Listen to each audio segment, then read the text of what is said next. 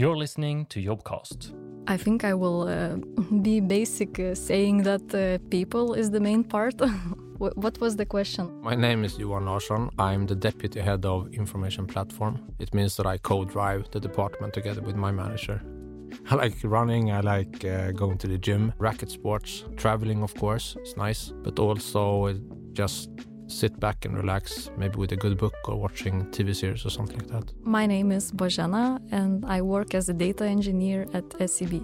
I'm from Lithuania, Vilnius. After school, I dreamed about being scientist, so I have scientific background and finished the genetics bachelor's and systems biology.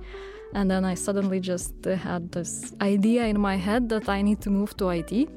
I think the need for data engineers, if you look in the bank, is quite enormous. Uh, we, we are transforming this bank to be data driven. We have tons of data hidden in legacy systems all over the bank, and then we want to make that data available, then make use of the data. And therefore, we recruit in our department. But then, if you look at other departments, there are almost all the domains and tribes are recruiting data engineers at the moment.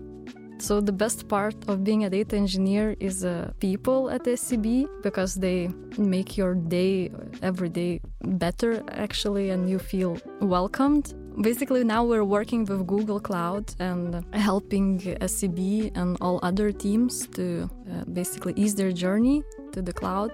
We have a department at SEB where we accelerate how the bank becomes data driven.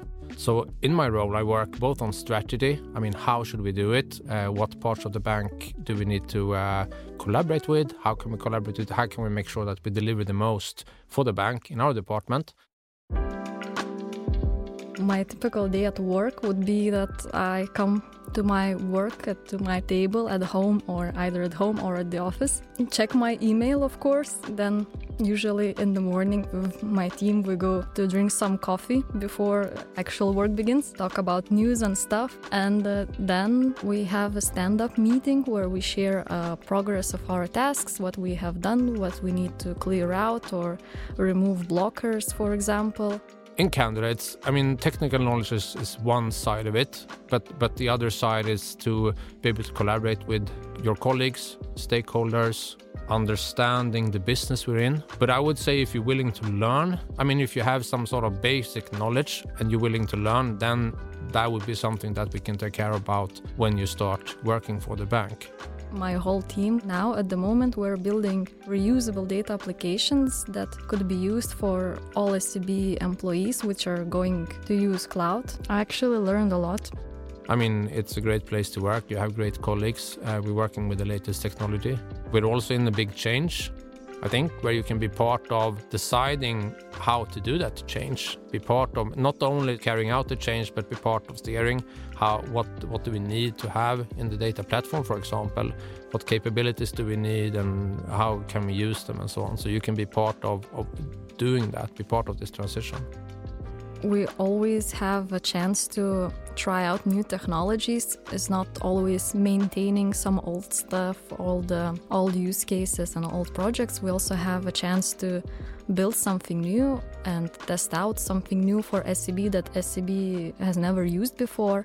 I think not until you get to know each other, that's when the collaboration starts working for real. I think that's also important when we onboard people so that they get to know each other and not only talk about, I don't know, data or uh, programming languages, but also socializing, get to know each other. I think the most biggest impression is the people still. So, I mean, if this sounds interesting to, to you, then you can always look at our career site. We have tons of open positions. I mean, you can just uh, reach out to me on LinkedIn if you want to have chat. It doesn't need to be sort of a formal application. Or if you want to talk to a engineer that works for us already, just uh, like an informal chat about how is it working here, then please just uh, reach out to us and then we'll take it from there.